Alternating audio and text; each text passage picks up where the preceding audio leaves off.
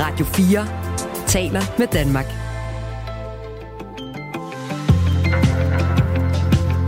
Velkommen til Radio 4 morgen.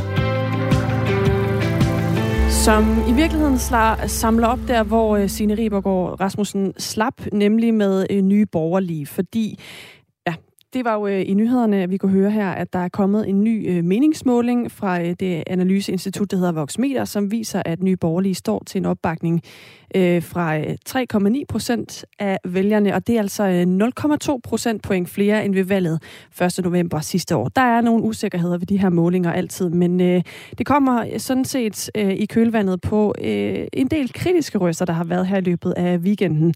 Fordi i en artikel på TV2, hvor man har talt med flere flere kilder tæt på partiet, der lyder dommen fra flere faktisk, at partiet nu er truet på sin eksistens i kølvandet på, at formand Pernille Vermund har meldt, at øh, hun vil øh, gerne have, at man finder en ny formand for partiet. Allan Frank er lokalformand for Nye Borgerlige i Åben Kommune. Godmorgen. Ja, godmorgen. Så altså sådan uh, to lidt forskellige uh, meldinger. Uh, en del, der mener, der er et uh, udsigt til krise i Nye Borgerlige, og så også en uh, meningsmåling, som i hvert fald uh, tyder på, at Nye Borgerlige holder skansen, på trods af, at uh, Pernille Vermund altså snart er fortid som formand. Hvad tænker du egentlig om det? Jamen, jeg synes, det er uh, egentlig er et helt okay billede. Øh, Nye Borgerlige er jo stadigvæk et forholdsvis nyt parti, og vi er jo i en stor forandring øh, PT, hvor vi prøver at gøre vores organisation meget mere demokratisk. Så hele den forandring, den, den vil altid aflede noget usikkerhed og, og en masse mennesker, der er uenige om en hel masse ting. Nu, øh, nu startede jeg med at nævne den her øh, nye måling, som jo øh, sådan tyder på i hvert fald, at, at vælgerne ikke er flygtet fra øh, nye borgerlige, selvom øh, Pernille Vermund har bebudet det her øh, exit. Men det er jo heller ikke en måling, hvor at man ligefrem øh, står til at gå enormt meget frem, altså 0,2 procentpoint, og så er der den her usikkerhedsmarken. Er det, sådan, er det godt nok? Øh, nej, det selvfølgelig er det ikke godt nok. Og så længe vi, vi ligger under 4 procent... Øh, og vi har et formandsskifte, så, så, så er der da nogle risikoer. Selvfølgelig er det det. Specielt hvis der kommer valg meget snart, så er vi da i en risikofare. Selvfølgelig er vi det. Men altså, jeg, ser, jeg fokuserer, prøver at fokusere på det positive, og jeg ser jo en masse ildsjæle, der stadigvæk er med i bevægelsen Nye Borgerlige. Og hvis den bevægelse kan få lov til at bestyre af en, af en ret øh, stærk person, jamen så, så skal vi nok blive øh, så skal vi nok blive en spiller, der kommer tilbage igen. Altså absolut. Vi kan jo øh, vende tilbage til, hvem der så kan være den stærke person, men øh, vi kan også lige hurtigt øh, oprise her, at ved øh, seneste folketingsvalg 1. november sidste år, der fik Nye Borgerlige seks mandater, men i valgperioden op til, øh, der lå øh, partiet meget højere i meningsmålingerne, var faktisk i foråret 2021 op på, hvad der svarer til 16-17 mandater. Og øh, hvis man spørger Niels Peder Ravn, der er øh, forhenværende medlem af Nye Borgerlige indtil for ganske nylig, og nu medlem af borgerrepræsentationen i København for konservative, så øh, står partiet lige nu med Pernille Vermunds øh, varslede afgang som formand i en ret stor krise. Det, der skete med Nye Borgerlige, det var jo, at øh, partiet fik under covid-nedlukningerne, fik jo en kæmpe tilslutning, ikke mindst på medlemstallet. Jeg tror nok, man var over 18.000 medlemmer, hvilket gjorde partiet til det tredje største parti mål på medlemmer i Danmark.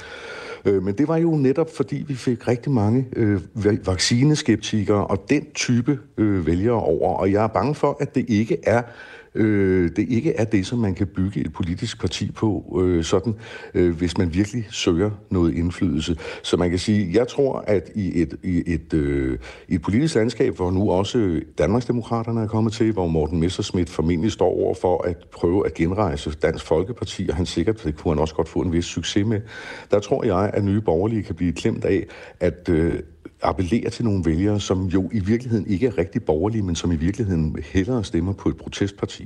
Ja, Niels Peder Ravn øh, spår altså øh, nye borgerlige en svær øh, fremtid. Allan Frank, er du enig i det? Øh, nej, det er jeg faktisk ikke. Jeg, ja, som jeg også fortalte jer i går, da I ringede til mig, så er det jo sådan set selve den øh, TV2-artikel, jeg var egentlig fortørnet over, at at de, de bygger hele artiklen op omkring uh, alle, der er forhåndværende. Og de fleste er blevet ekskluderet eller blevet fyret. Så selvfølgelig har de jo noget negativt at, at sige. Nej, han, er, han forlod, ikke? Jo, han er selv gået. Ja, men altså, det er jo, der er jo en årsag til, at han er gået, ikke? og det er uden tvivl manglende kommunikation.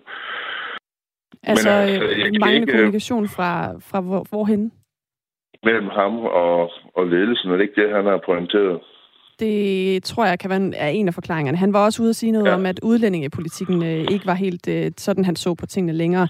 Men for eksempel den her manglende kommunikation er også noget, som øh, jeg kunne læse ud fra, øh, fra TV2's artikel.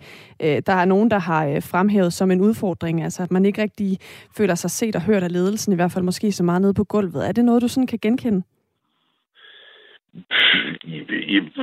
Ja, både og. Altså, jeg vil sige, at igen også, som jeg startede på, at det er jo et nyt parti, og vi er i gang med en, en kæmpe forandring organisatorisk i partiet, for netop at få flere beslutninger ned på kredsniveau, så det ikke er så topstyret. Hvad er øh, sådan de største udfordringer, som Nye Borgerlige står med lige nu, set med dine briller? Altså er det formandsskiftet, der er den største udfordring lige nu? Det kan det jo hurtigt blive, hvis vi ikke kan finde en ordentlig formand. Altså, vi skal, vi skal have fundet en god formand, så vi kan komme videre. Det er sådan, jeg ser det. Og helst hurtigt, så hurtigt som muligt. Allan Frank, øhm, det der blev sagt øh, fra Københavns Kommune, altså hvor øh, han nu er tidligere øhm, øhm, medlem af Nye Borger, Niels Peder Ravn, det var også, at den måde partiet blev drevet på sådan i perioder, der fik man en masse coronavaccine-skeptikere ind, hvor det blev sådan et meget rentonet protestparti. Altså det handlede ikke så meget om indflydelse på små og store sager, det handlede også sådan om at populært sagt, larme. Hvor, hvor meget, hvor, hvilken slags parti synes du egentlig, det skal være? Jeg ved det ikke rigtigt. Altså, jeg synes, øh, den blanding, vi havde med Pernille, som, som øh, var hvad det, samarbejdssøgende, og Lars, som øh, ham, der sad over i hjørnet og slog på, på store trum, det kunne jeg godt lide. Og jeg vil, jeg vil egentlig gerne have, at vi fremover også har det samme spil mellem de to forskellige typer. Så Lars Bøge Mathisen har jo vist sin duelighed til at slå på trummen. Tror du også, han kan være den, der sidder i midten og er diplomat? Det ved jeg ikke.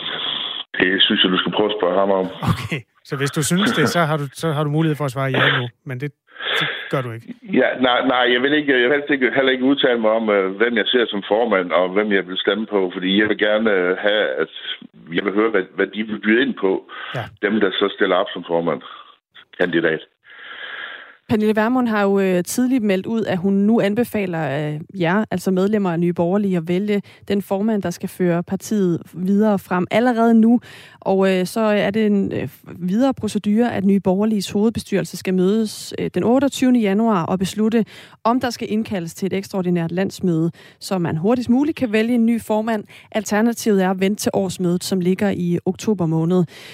Allan Frank, øh, du nævner nogle sådan ting, du ser som en kvalitet hos øh, ledelsen, altså det, det her samspil, du, du nævnte før. Ser du, øh, at der lige nu er nogen i partiet, som har formatet til at blive formand? Altså, vores øh, nyborgerlige største øh, svaghed lige pt, det er, at vi ikke har en kronprins eller en kronprinsesse, der ligesom står klar i kulissen til at tage over. Der er ikke nogen helt åbenlyse øh, øh, formandskandidater. Hvorfor har I egentlig ikke det?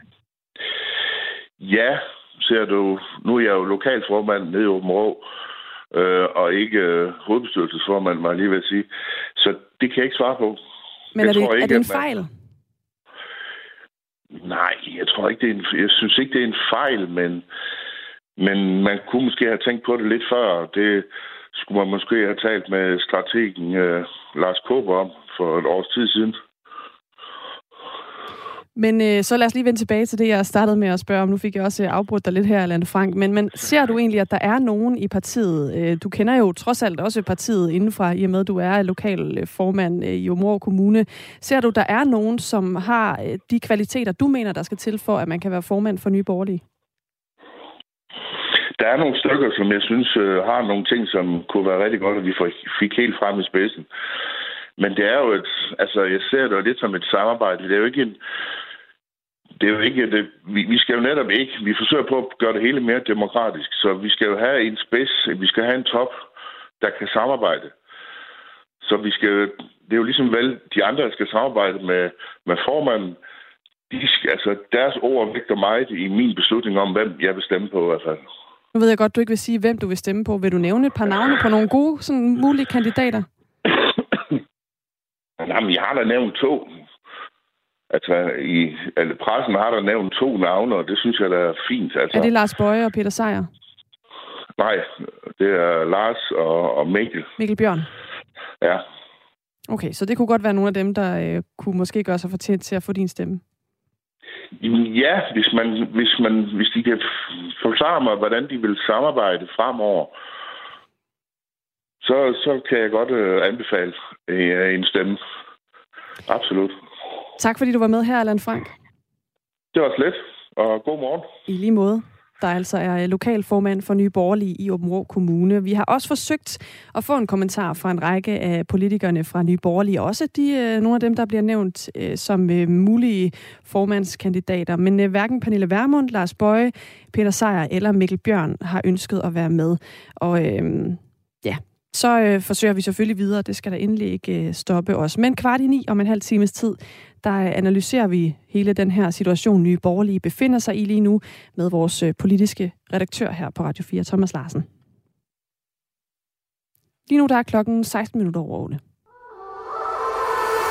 En præsident. We choose to go to the moon, not because they are easy, but because they are hard. To skud 60 års konspirationsteorier. CIA har jo en mormanual, og den måde, det foregik på, det er lige efter manualen. Krimiland vender hver en sten i Kennedy-mordet. Hvis jeg havde været CIA-mand dengang, så havde jeg skulle skudt Kennedy selv. Du finder podcasten i Radio 4's app. Radio 4 taler med Danmark. Radio 4 taler med Danmark.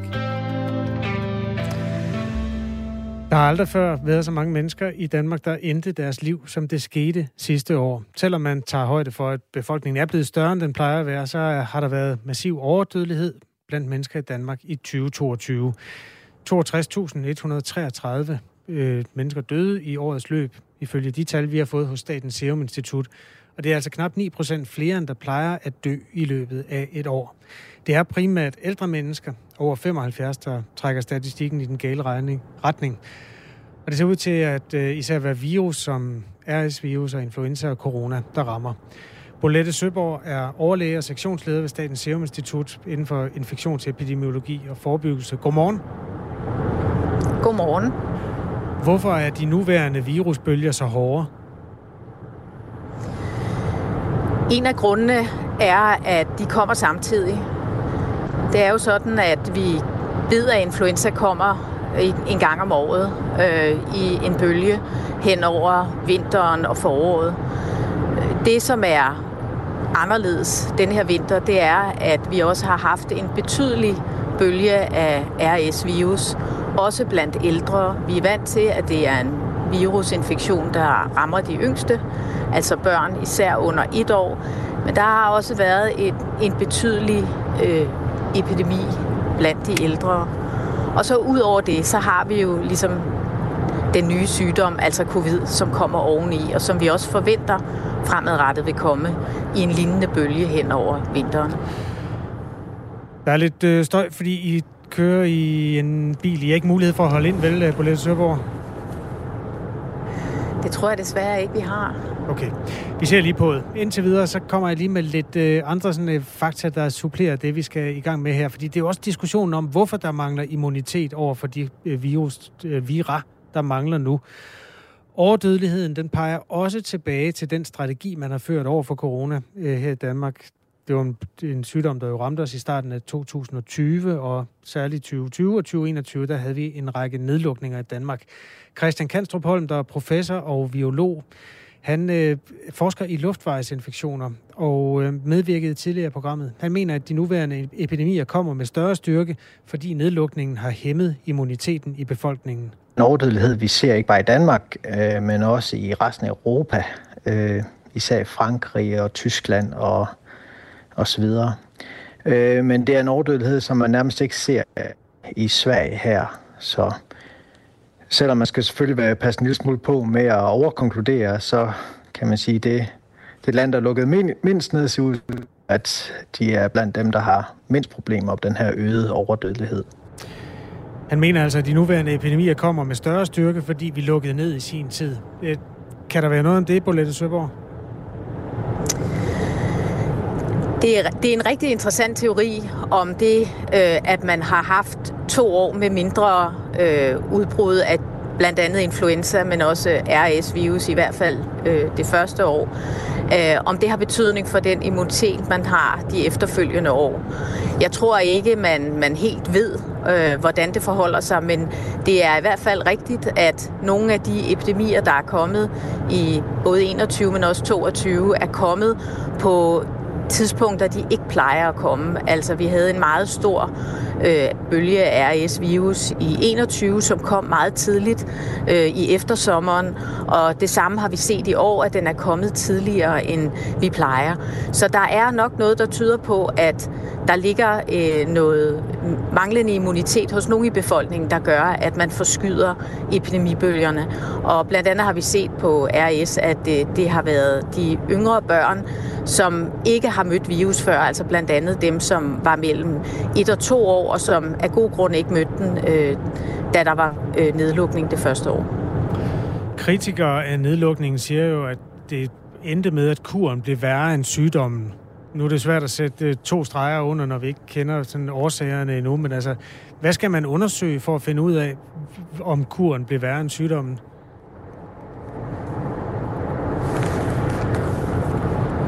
Undskyld, jeg tror, du forsvandt.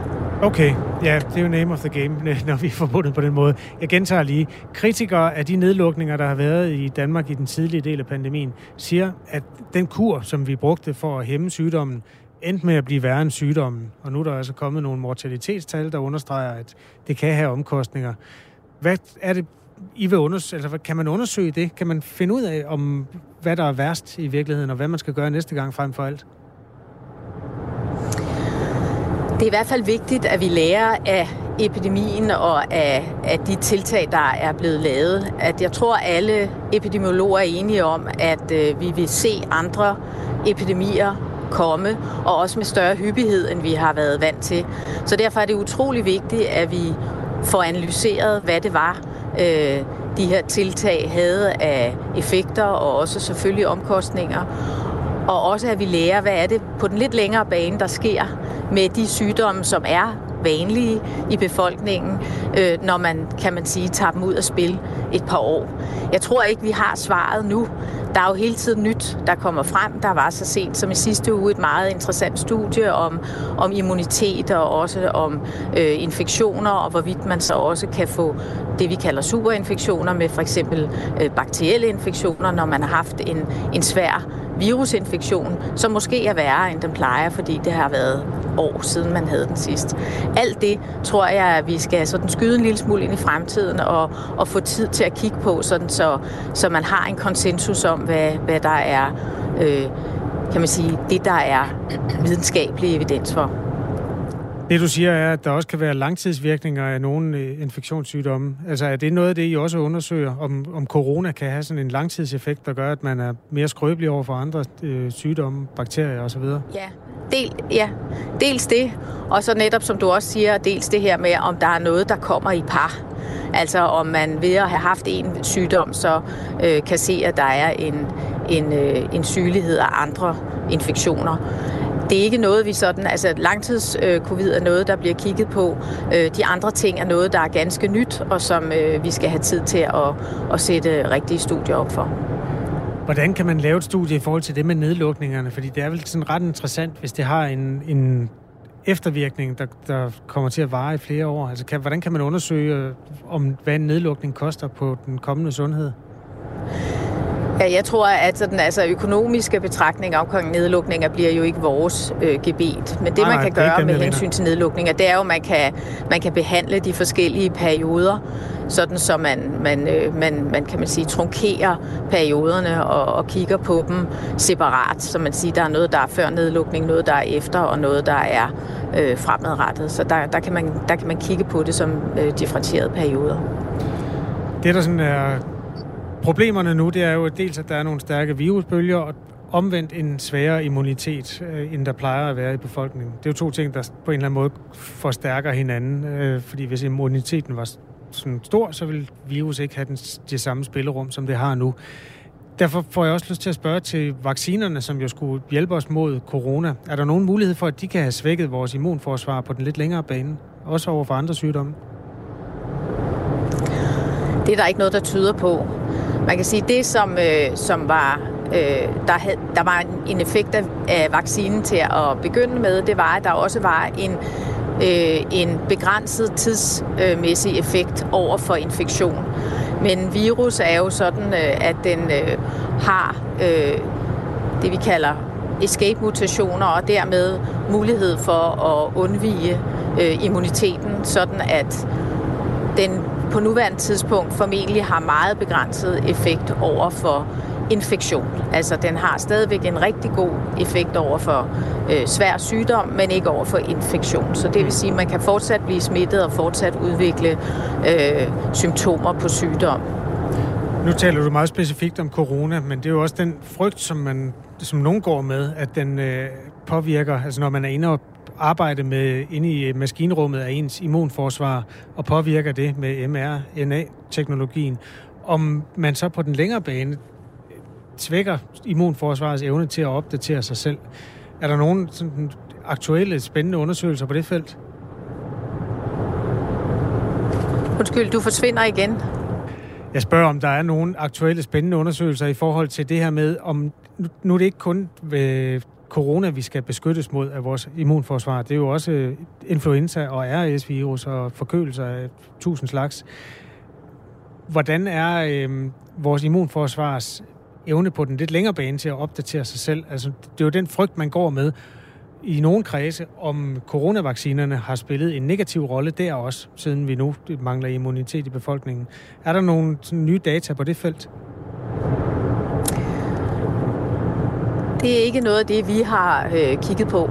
Altså man kan sige, der er ikke vacciner mod RS-virus øh, endnu, men det er faktisk en af de øh, vacciner, der er under udvikling, og hvor man faktisk forventer, at der muligvis kan være produkter på markedet i slutningen af året. Så det vil jo også være nogle af de ting, som man skal øh, kigge på øh, altså hurtigst muligt, for at se, om det også er en øh, mulig forebyggelsesintervention, man skal tage med i for eksempel vaccinationsprogrammer til børn fremad.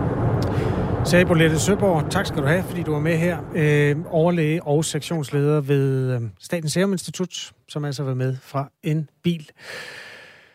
Øh, to minutter i halv ni er klokken, og der er meget post på det her felt. Det er der næsten altid. Ja, der er, øhm, ja, hvad skal vi lige tage her? Fredericia, vi har overdødelighed. Ja. Hvorfor lukker man ikke landet igen?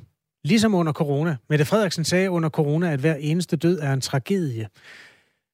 Alle eksperter tog fejl under corona. Selvfølgelig gider de ikke stille op til interview, lyder synspunktet her. Så er der også øh, Lena fra Aarhus. Skal som... man lige kommentere Undskyld, den og sige? ja. Så meget tog eksperterne heller ikke nødvendigvis fejl, men man tog måske nogle forsigtighedsforanstaltninger, som kan vise sig at have en slagside. Det, det, det ved jeg ikke. De tog ikke alle, alle sammen fejl hele tiden og igen, vel? Nej, og jeg vil sige, øh, nu stillede øh, Bolette Søborg jo lige op, for eksempel. Ja. Hun vil godt tage snakken. Nå, Lena fra Aarhus skriver ind med en konkret erfaring om øh, en af de sygdomme, som jo virkelig også bare haver i øjeblikket, og som mange bliver ramt af. Jeg fik RS-virus lige inden jul 2022. Jeg var installeret i en hel uge. Jeg har aldrig oplevet noget lignende, men til gengæld havde jeg tryghed og god behandling på lunge- og luftvejsafdelingen, hvor jeg var isoleret. Lars fra København skriver, der bliver ved med at komme nye vira. Det er naturen, der gør, hvad den kan for at få befolkningstallet ned på jorden. Der vi er for mange. Nature will find a way, skriver Lars.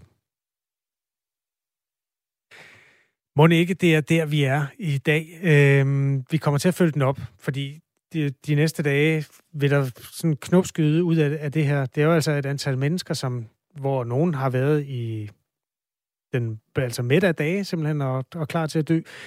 Og derfor er det ikke sådan alarmerende altid, når et ældre menneske bliver slået ihjel. Øh, heller ikke selvom det sker af en sygdom, eller netop når det sker af en sygdom, som det er sket i sådan en rekordmålestok. Det, det, det urovækkende er jo selvfølgelig, når tallene springer, som de gør i øjeblikket, og man er 9% over det, man plejer at være. Derfor har vi haft en stribe indslag om det her emne i dag, og lurer mig, om ikke vi kan vende tilbage til det.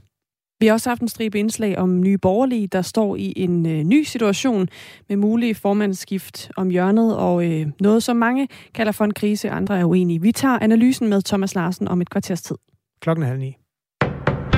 Nu er der nyheder på Radio 4. Pernille Vermunds kommende farvel til formandsposten i Nye Borgerlige og hendes exit fra Folketinget efter næste folketingsvalg ser forløbet ikke ud til at have fået vælgerne til at flygte fra partiet.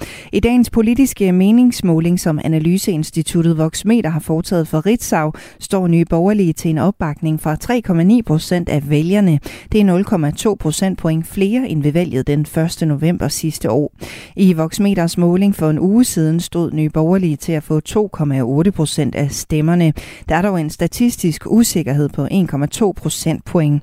Tirsdag i sidste uge fortalte Pernille Vermund, at hun stopper i Folketinget ved næste valg. Hun meddelte også, at hun vil stoppe som formand senest ved Nye Borgerliges ordinære årsmøde i efteråret. Hun har været medlem i 48 år, men nu har tidligere integrations- og kirkeminister Birte Røn Hornbæk meldt sig ud af partiet Venstre.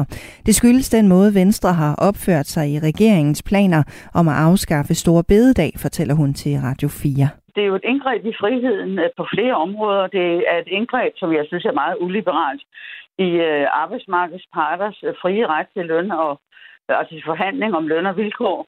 Og så er det jo et indgreb i folkekirkens frihed, og dermed øh, forrykker det forholdet mellem stat og kirke, øh, efter min mening jo i en øh, udemokratisk retning, da, da jeg jo vægter som liberal meget højt, at øh, borgerne har åndsfrihed, og at staten holder fingrene væk fra kirkernes indre anlægner. Og Birte Røn Hornbæk giver ikke meget for Finansministeriets beregning af, at afskaffelsen af Stor Bededag vil give staten omkring 3,2 milliarder mere i kassen hvert år, penge som så skal bruges på forsvaret så er sammenstillingen med forsvaret jo fuldstændig forrygt. Det er jo slet ikke sådan, man plejer. Det er jo en søforklaring ud over alle grænser, og der kan jo laves øh, masser af, af regnestykker. Der er flere tusind mennesker i kirken, der så i øvrigt får fri den dag, og øh, folk vil have mere frihed. Så det tror jeg ikke et øjeblik på, men det er ikke det, der er det afgørende for mig. Det er, er frihedsprincipperne. Udenrigsminister Lars Lykke Rasmussen er stoppet som formand for Lykkefonden. I stedet er det hans datter, datter Lisa Lykke Rasmussen, der skal drive fonden videre. Det oplyser Moderaternes pressechef Stefan Venegård til mediet Finans. I lighed med sidste gang Lars Lykke Rasmussen var minister, er han trådt tilbage som formand for Lykkefonden, skriver pressechefen i en mail. Bryster og indhold af seksuel karakter hører ikke hjemme på siden af en bus. Det mener Midtrafik, hvis bestyrelse har besluttet at forbyde busreklamer med seksuelt indhold. Det fortæller Sten Vindum, der er bestyrelsesformand i Midtrafik. Hele baggrunden for, at øh, vi indfører de her regler, det er, at at vi fik en henvendelse fra stort set samtlige vores ejerkommuner, som ønskede, at spilreklamer de skulle øh, udgå. Og i den forbindelse, jamen, så valgte vi lige sådan at revurdere, om der var andre ting, som, som vi også gerne ville have væk fra, fra vores reklamer. Og øh, der havde vi fået øh, nogle henvendelser i forhold til, til det, der hedder nøgenhed, at det var man ked af. Og derfor valgte vi egentlig bare lige at, at stramme lidt op på den også, sådan at, øh, at det ikke længere skulle være muligt at se, se ja, bare bryst og, og nøgenhed på, på vores busser. Privathospitalet AK Nygaard har før reklameret på bybus som et billede af nøgne bryster og teksten Nye Bryster. Det har tidligere vagt debat og fået en politiker i Viborg til at klage over Midtrafik, der administrerer den kollektive trafik i Region Midtjylland. I dag bliver en dag med flest skyer, også enkelte regn- eller sludbyer, men i løbet af eftermiddagen kommer der udbredt regn eller slud. Temperatur mellem 2 og 5 graders varme og en vind, som bliver let til frisk og stedvis hård. Det var nyhederne på Radio 4 med Signe Ribergaard Rasmussen. Du lytter til Radio 4 morgen. Husk, du kan skrive en sms til os på 1424. Det er der en, der har gjort her, som skriver, jeg har corona for første gang. Jeg er 67 år og uvaccineret. Denne corona er en meget mild omgang uden feber, og jeg har også min lugtesans. Jeg har været syg i fire dage.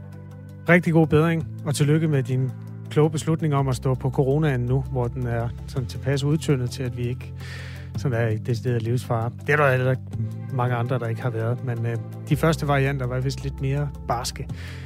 Anyway, god bedring, og tak for sms'en. Man skal skrive til os på 1424. Radio 4 taler med Danmark.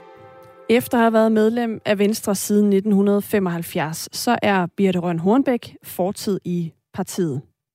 Hun er øh, blandt andet tidligere kirkeminister og har altså øh, meldt sig ud af det parti, hun har været medlem af i så mange år. Og det gør hun, fordi Venstre vil fjerne Stor Bededag.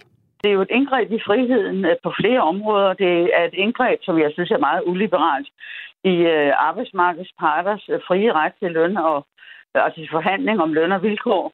Og så er det jo et indgreb i folkekirkens frihed, og dermed forrykker det forholdet mellem stat og kirke øh, efter min mening jo i en udemokratisk retning, da, da jeg jo vægter som liberal meget højt, at uh, borgerne har åndsfrihed, og at staten holder fingrene væk fra kirkernes indre anlægner. Ifølge SVM-regeringen, så skal der skabes flere penge i den danske statskasse, og det er altså penge, man vil finde ved at sløjfe Stor Bededag. De penge skal så bruges på øh, finansieringen af det danske forsvar. Ifølge Finansministeriets beregninger, så skulle øh, afskaffelsen af Stor Bededag give 3,2 milliarder kroner om året. Men de her argumenter for, hvorfor man vil øh, afskaffe helligdagen, dem køber Birte Rønhornbæk ikke det kan overhovedet ikke retfærdiggøre, at uh, friheden trædes under fod, og uh, det er jo anfægtet fra alle sider. Og prøv lige at spørge uh, Ylette, uh, hvad er det, hun hedder, uh, uh, fagforeningsformand. Uh, Lisette Rigsgaard? Ja, ja, ja, rigtigt. rigtigt. Hvor, de siger det selvfølgelig. Øh, hvor mange dage skal der være generalstrække, før de penge er røget? Og så er sammenstillingen med forsvaret jo fuldstændig forrygt. Det er jo slet ikke sådan, man plejer. Det er jo en søforklaring ud over alle grænser, og der kan jo laves masser af, af regnestykker. Der er flere tusind mennesker i kirken, der så i øvrigt får fri mm. øh, den dag, og øh, folk vil have mere frihed. Så det tror jeg ikke et øjeblik på, men det er ikke det, der er det afgørende for mig. Det er, er frihedsprincipperne. Der har været meget kritik rettet mod regeringen om dens planer om at fjerne stor bødedag. Eksempelvis har landets biskopper råbt vagt i gevær, og de mener, at det er et markant indgreb i folkekirkens traditioner.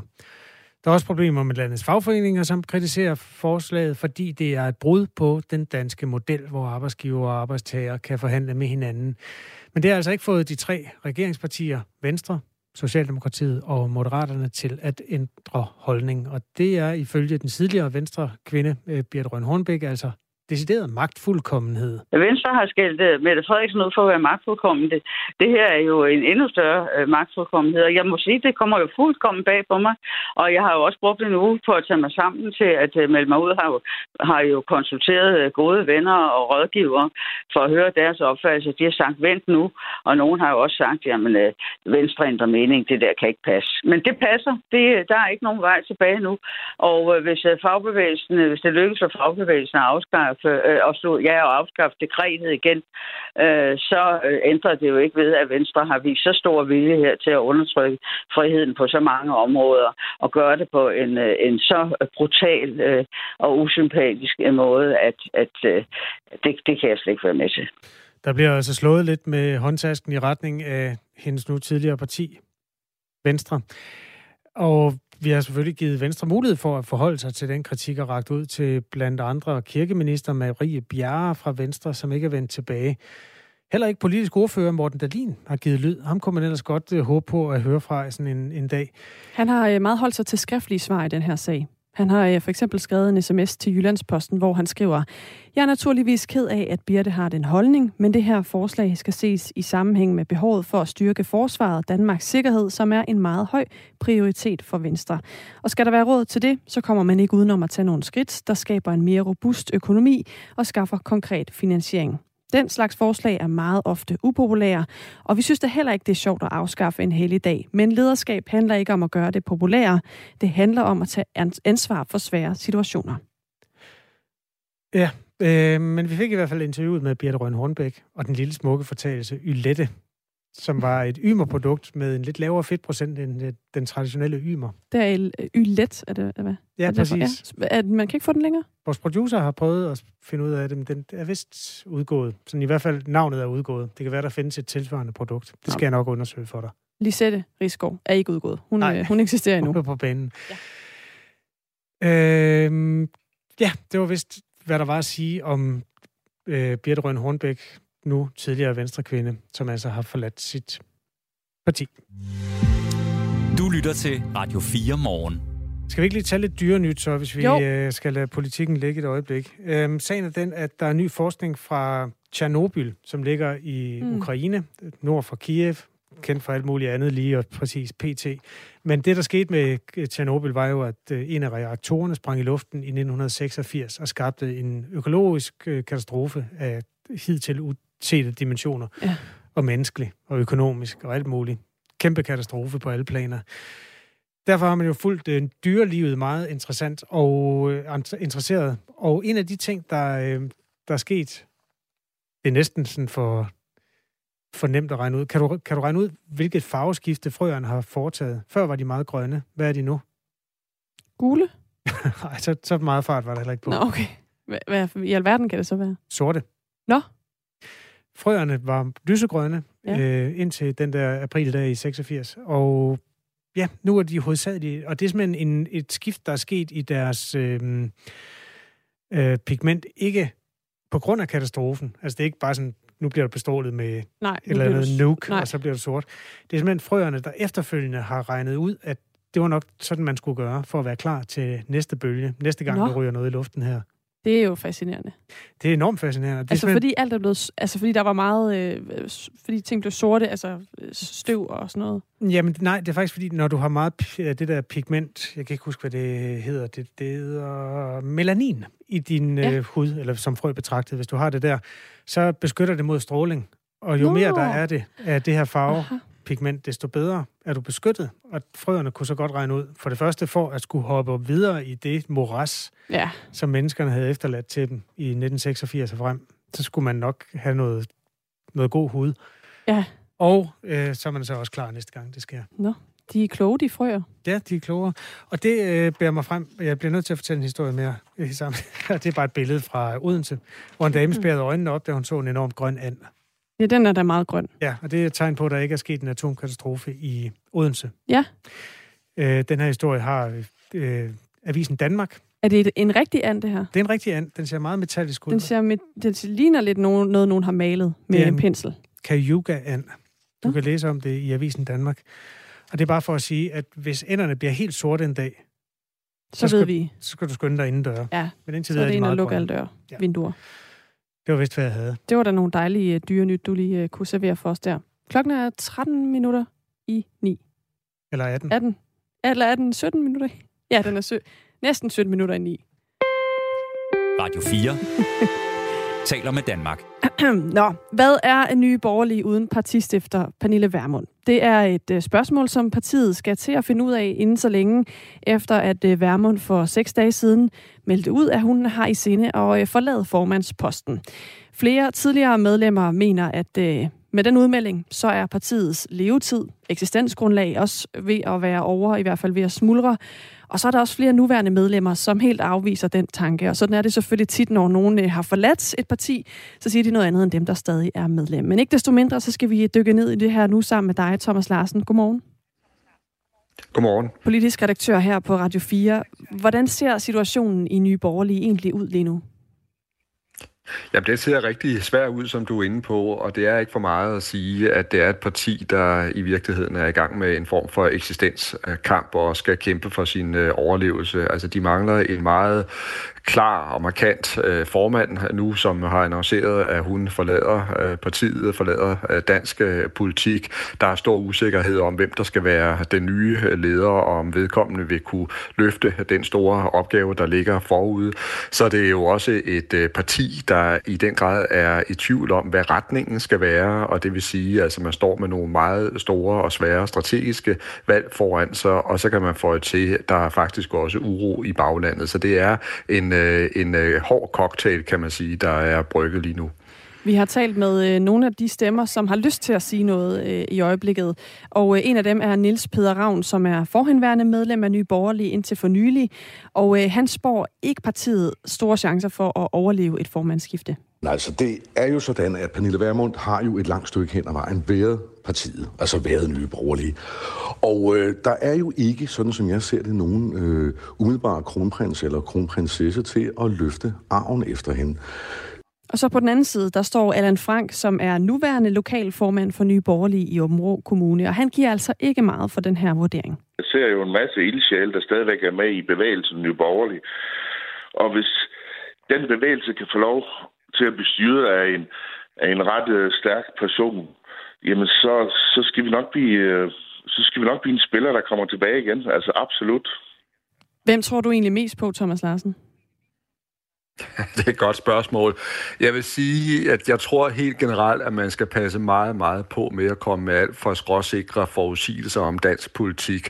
Og hvis vi bare lige tænker tilbage på det sidste halve år i, i dansk politik, så tror jeg også, at lytterne ved, hvad jeg taler om her. Altså, der er sket så mange overraskende drejninger i dansk politik, som ingen har været i stand til at forudse. Øh, og derfor så skal man også passe på med, altså i hvert fald tror jeg ikke, man skal skrive en nekrolog over nye borgerlige nu. Det er ganske enkelt for, for tidligt. Men man kan sige, de har jo begge to øh, fat i, i hver sin ende af sandheden, fordi det er klart, og det er helt åbenlyst, at Pernille Vermund jo har fyldt kolossalt meget for, for partiet. Hun har været øh, den trækkraft, øh, som også har været kendt i, i offentligheden. Hun har været partiets øh, debattør i alle afgørende store debatter på, på tv, lige siden partiet blev øh, stiftet, øh, og det er altså hende, der har stået som den altså helt centrale øh, lederskikkelse i partiet, og hun er væk, og derfor er det et, øh, et kolossalt tab, at hun ikke er der øh, mere. Men det er jo ikke det samme som, at man måske ikke kan finde en, en ny en, der vil kunne få et uh, gennembrud. Altså, uh, der er jo mange partier, hvor man uh, ikke rigtig har troet, der vil være nogen til at tage over, og så alligevel viser. Og hvis vi skal se på nogle af dem, der kunne komme i spil, der kunne der være en Lars Bøje Mathisen fra, fra Folketingsgruppen, der kunne også komme en, uh, der hedder Mikkel Bjørn Sørensen på, på banen, som ikke er særlig kendt i dag, men som måske kunne, kunne blive det. Jeg tror, at det, der er endnu vigtigere måske end at finde altså den øh, leder og den frontfigur, der skal stå i spidsen for partiet, det er, at de faktisk får øh, grænsket i deres sjæl, hvad nye borgerlige skal være på et parti. Og det er måske i virkeligheden der, det er det største problem, øh, gemmer sig for nye borgerlige. Og det er, at de i øjeblikket er i indre splid om den øh, rejse og den vej, de skal slå ind på. Altså skal de være et, øh, et borgerligt øh, skarpt øh, parti, øh, som stadigvæk går efter øh, kompromiser og indflydelse på Christiansborg, eller øh, skal de ud og være sådan et mere rendyrket anarkistisk øh, protestparti? Der kan man fornemme, at der er sådan øh, store uenigheder og store debatter i partiets bagland i øjeblikket. Og hvis de ikke får afklaret, hvor partiet skal placere sig politisk, så er de for alvor på den. Allan Frank, som vi refererede til for lidt siden, Thomas, altså nuværende lokalformand for Nye Borgerlige i Åben Rå Kommune, han sagde meget fint, at han synes, der har været en øh, fin øh, sådan i jeg tror ikke, han har brugt udtrykket yin og yang, men nu bruger jeg det. Altså i, at man har Pernille Vermund, som er diplomaten og den, sådan, den der søger parlamentarisk indflydelse i, i lederstolen, og så har man Lars Bøje, der, og det var det udtryk, han brugte, slår på tromme ude i hjørnerne. Altså buller og brager og larmer lidt. Det har været sådan en, en fin synergi mellem de to der. Det kan vel være svært at finde den igen. Ja, det kan det, og det er, det er en, en rigtig god analyse, den der kommer der, fordi det er jo ofte sådan med succesrige partier, at så er man i stand til at, at, at spille på, på, på flere strenge, og partiet har flere øh, styrker, og der er nok ingen tvivl om, at netop markerparet med Pernille Vermund og Lars Bøje Mathisen har været en succes øh, for partiet, og pludselig er Vermund så øh, væk, og så er spørgsmålet, hvis man, øh, hvis man så får sat øh, Lars Bøje Mathisen i, i spidsen, og han ikke formår at bygge de samme kompromiser og lave de samme balancer øh, internt, ja, så kan han pludselig trække partiet et sted hen, øh, hvor der måske ikke er vælger nok øh, for det første, øh, og hvor der i hvert fald med sikkerhed også vil være en del af medlemmerne i Nye Borgerlige, der ikke vil kunne spejle sig selv, og som derfor heller ikke vil være med øh, længere. Og det er derfor, at den her situation, som partiet står i lige nu, er så afgørende, fordi hvis de er dygtige, så finder de en ny leder, og de får også bygget en politik, som kan holde, og som man kan Øh, stå øh, sammen om i baglandet. Hvis ikke, så kommer vi til at se nogle store splittelser og rivninger i partiet, og de er øh, på vej, fordi man kan godt øh, høre i øh, rundt omkring i, i partiets øh, bagland, at der er meget store interne uenigheder om øh, den strategi, som man skal følge fremover. Vi har en artikel, eller ikke en artikel, en nyhedshistorie i Radio 4 morgen i dag, der handler om overdødelighed, hvor jeg faktisk i starten af sidste uge var i en god lang snak med Lars Bøge Mathisen, og vi aftalte, at han skulle komme forbi studiet her i dag. Så øh, var det, der kom alt det her rummel om formandsopgør, og siden har han simpelthen ikke taget sin telefon. Altså overhovedet ikke. Det er komplet umuligt at få fat i manden. Og det er ellers en af Danmarks rimelig tilgængelige politikere. Hvad tror du, der foregår lige nu?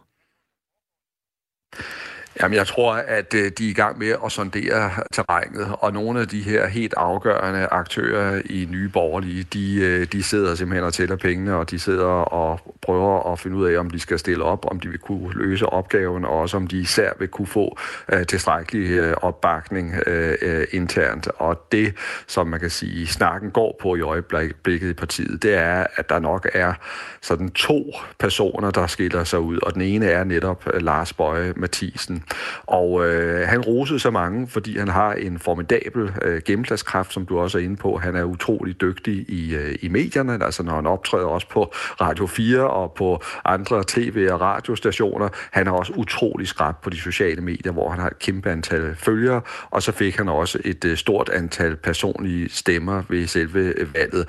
Så han er i hvert fald umiddelbart den mest kendte og slagkraftige, men der er en del inde i partiet, som er nervøse for, om han vil kunne samle og også at man vil kunne bygge de her kompromiser, som også er nødvendige internt. Og så over for ham, der står nok altså Mikkel Bjørn Sørensen, som er en øh, ganske ung politiker, og som også ligger et øh, andet sted rent politisk. Han er mere nationalkonservativ, kan man sige, end Lars Bøge Mathisen.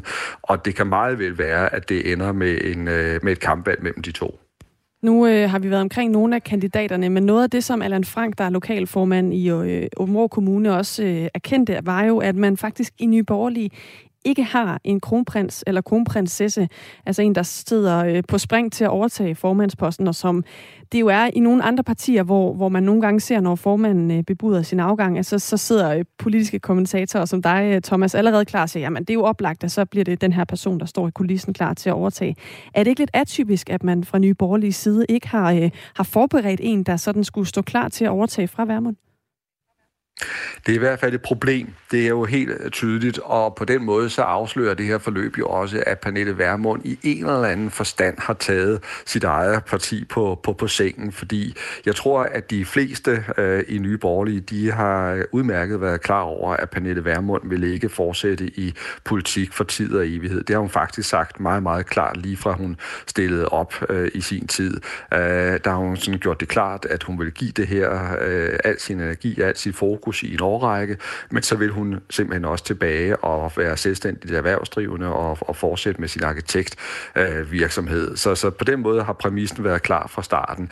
Men det her, øh, den her melding om, at hun stopper, den er alligevel kommet meget pludseligt og meget øh, abrupt. Og jeg ved også internt, at det var faktisk øh, planlagt sådan, at det var Pernille Vermund selv, der skulle have stået i spidsen for det øh, strategiarbejde, der faktisk så småt er skudt i gang øh, internt, og som netop skulle være med til at definere, hvad det er for en kurs, som partiet skal øh, forfølge fremover. Så på den måde, så står folk lidt chokeret øh, tilbage, og jeg tror også, at man netop ærger sig lidt øh, over, at man ikke har fået kørt en øh, kronprins eller en kronprinsesse mere i, i stilling, så det har været mere klart, hvem det var, der skulle efterfølge Pernille Vermund. Men der tror jeg måske så også, at forklaringen er, at det kan skyldes, at man netop ikke har været enige om, om, om linjen, fordi der har gået altså, flere og flere historier om, at Lars Bøge Mathisen og Pernille Vermund faktisk har været på konfrontationskurs om, øh, om øh, den politiske linje, som nye borgerlige skal følge. Og så er det klart, hvis det er, er rigtigt, og det tror jeg, det er, så er det jo svært for Pernille Vermund også at gå ud og anbefale ham direkte som partiets øh, kronprins. Lød analysen altså her fra uh, Thomas Larsen, politisk redaktør på Radio 4. Mikkel uh, spiller også ind med uh, en form for analyse. Han skriver, hvis man har en variant af ordet ny i sin foreningsnavn, så har man statistisk givet den en levetid på under 25 år. Altså ny borgerlig. Ny ja, borgerlig. ny borgerlig. Og altså, også liber- ny, ny alliance. Ja, det hed de et par år eller ja. sådan noget. Og så blev de til Liberal Alliance, som vi jo kender. Og Vi har i hvert fald lidt en stakket frisk med det nye der. Nogle jeg gange. kan også huske, at ordet alliance i virkeligheden var til diskussion dengang, fordi de startede med at være tre partiledere, mm. og mhm. så smuttede først den ene og så den anden. Og hvis man laver alliancemarmelade, så skal man jo faktisk bruge tre forskellige frugter eller bær. Så ja. på det tidspunkt var der så kun, øh, jeg tror det var Anders Samuelsen, der var tilbage. Hvad er det så for en marmelade, man laver? Jamen det er jo bare sådan en simpel marmelade, så er det jo sådan en øh, jordbær eller hindbær. Det kommer an på, hvilket produkt. Hvis man har to. Nå. Ja, det er jeg usikker på, du. Ja. Nå, men øh, nye borgerlige hedder nye borgerlige indtil videre. Ja. De kan jo selvfølgelig kalde sig liberale borgerlige, men det er jo også lidt dobbelt konfekt. Ja, der, de må have gang i en brainstorm, hvis de er overhovedet interesseret i at skifte navn. Først skal de nok lige finde en ny formand. Ja. Så kan navneskiftet komme bagefter. Klokken er 15 minutter i 9. Det her er Radio 4 morgen. Øhm, jeg tror simpelthen lige, vi vender os mod busserne. Ja. Hvor indhold, indhold af seksuel karakter ikke hører hjemme på siden af en bus. Mener Midt-Trafik, hvis, hvis bestyrelse har besluttet at forbyde busreklamer med seksuelt indhold. Sten Vindum er bestyrelsesformand i Midt-Trafik og forklarer hvorfor. Hele baggrunden for, at øh, vi indfører de her regler, det er, at at vi fik en henvendelse fra stort set samtlige vores ejerkommuner, som ønskede, at spilreklamer de skulle øh, udgå. Og i den forbindelse, jamen, så valgte vi lige sådan at revurdere, om der var andre ting, som, som vi også gerne ville have væk fra, fra vores reklamer. Og øh, der havde vi fået øh, nogle henvendelser i forhold til, til det, der hedder nøgenhed, at det var man ked af. Og derfor valgte vi egentlig bare lige at, at stramme lidt op på den også, sådan at, øh, at det ikke længere skulle være muligt at se, se ja, bare bryst og, og nøgenhed på, på vores busser. Der står i Midtrafiks bestyrelsesmøde referat sådan her. Der må ikke reklameres for strip eller sexklubber, pornografi og lignende, samt varer eller tjenester relateret til disse. Reklamer må ikke indeholde billeder eller tekst af seksuel pornografisk karakter. Reklamer må ikke indeholde billeder, der bruges, hvor der bruges øh, brug af, hvor der gøres brug af udpræget nøgenhed eller nøgenhed i en kontekst, som er egnet til at vække anstød. Det er bare en beslutning, der vækker vrede hos løsgængeren i Aarhus Byråd, Jakob Søgaard Clausen. Han er ikke enig. Jeg synes, det er et problem, fordi det, det er ikke bare stripgrupper, som du også læste op, så er det også bare, at der er udbredt nøgenhed på annoncer. Øh, og det synes jeg, det er sådan lidt øh, krænkelseshysterisk, at man går ud og forbyder det, uden at man egentlig har sådan nogen konkret anledning til det. Øh, det er ikke fordi, vi har haft store problemer med sexklubber, der er reklameret i, i et væk på busserne i Aarhus. Øh, så det er sådan noget med, at man laver forbud for forbudets skyld, øh, og det synes jeg egentlig ikke, øh, at vi har brug for. Danmark var det første land i verden, der frigav pornoen, og Jakob Søgaard Clausen mener, at seksuel frigørelse og nøgenhed er en tradition, vi skal holde fast i. Jeg synes jo først og fremmest, så skal vi huske, at vi bor i Danmark, som øh, i rigtig mange år har været seksuelt frigjort. Øh, det første land i verden, der frigjorde pornoen. Så vi har en lang dansk tradition for, at vi ikke er så ømme, når det kommer til seksuel frihed og, og det at være nøgen. Øh, og det synes jeg egentlig er, er værd at holde fast i. Jeg synes, det her det trækker i den forkerte retning øh, og egentlig sender et signal om, at vi bliver øh, hvad hedder, sådan mindre frigjorte, og at vi ikke har plads til, øh, at man kan ja, skældes ud på forskellige måder i det offentlige rum, og det synes jeg egentlig er en bekymrende udvikling. Hvorfor er den bekymrende? Jeg synes, det er bekymrende, fordi at øh, det, det er sådan en, en retning i vores samfund, hvor man går ud og siger, at nu er vi krænket, det må ikke vække anstød, som det er for, for, øh, formuleret i de der retningslinjer. Øh, men hvem er det, der skal vurdere, om, om ting vækker anstød? Altså det, der er altid nogen, der bliver anstødt af forskellige produkter og forskellige udsagn, øh, forskellige billeder. Mm. Øh, og derfor så, så synes jeg, det er, en, det er sådan en svær diskussion, hvor, hvor man altid vil komme til at, at ramme forkert. Så der synes jeg, det er bedre, at man jo egentlig har en, en fri uh, mulighed for at reklamere som virksomhed i Danmark, uh, også på bagsiden af, af busserne. Det synes jeg ikke, at politikere skal blande sig i.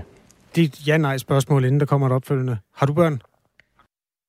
Nå, det var den cliffhanger, uden lige. Jeg kan huske, hvad han svarede. Ja, det ja, nu, nu er det nutid, det andet var datid ja. øh, tidligere. Velkommen til nutiden. Han venter barn til sommer, den mm. gode mand, øh, Jakob Søgaard Clausen, som altså repræsenterer sig selv i Aarhus Byråd, valgt ind for Dansk Folkeparti i sin tid.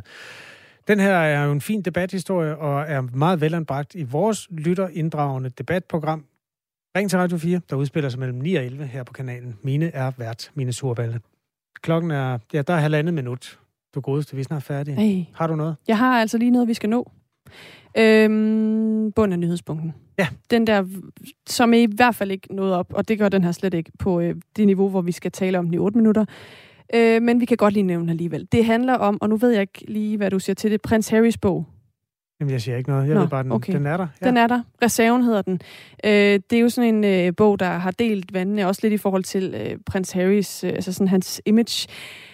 Jeg faldt bare over en øh, optælling, som øh, Ekstrabladet har fundet hos Fox News-mediet, ja. øh, som ser på, hvor mange gange han øh, nævner øh, noget om sine kønsdele. Altså i bogen? I bogen. Ja.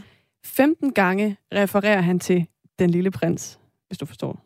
Siger han den lille prins? Nej, det, det tror jeg er noget Ekstrabladet har fundet på, men jeg synes bare, det var så godt. Jeg var nødt til også at sige det. Øhm, han er bare enormt øh, fokuseret på det her i bogen. Altså, der er så mange steder, hvor han er meget sådan, øh, fortæller det meget. Også nogle gange lidt grafisk. Vil skriver han, hvordan den ser ud? Eller øhm, hvilken hårdt jamen, Blandt andet eller? fortæller han om øh, noget, som han kalder en, øh, en pude, han har købt, fordi han engang har fået frostskader dernede. På Dylan. Ja, og så øh, skulle han til Antarktis, så vil han ikke have det igen. Det er også bare det, at der er så nogen, der sidder og bladrer den her øh, bog igennem fra Prince Harry, og så finder, så sidder tæller, ja. Og så siger 15 gange ud af Ja. de 300 sider om hans øh, liv og levned. Det er god journalistik. Ja, det kom i hvert fald ikke øh, højere op end her. Men nu hørte du det alligevel i Radio 4 morgen. Nu er der nyheder klokken er 9.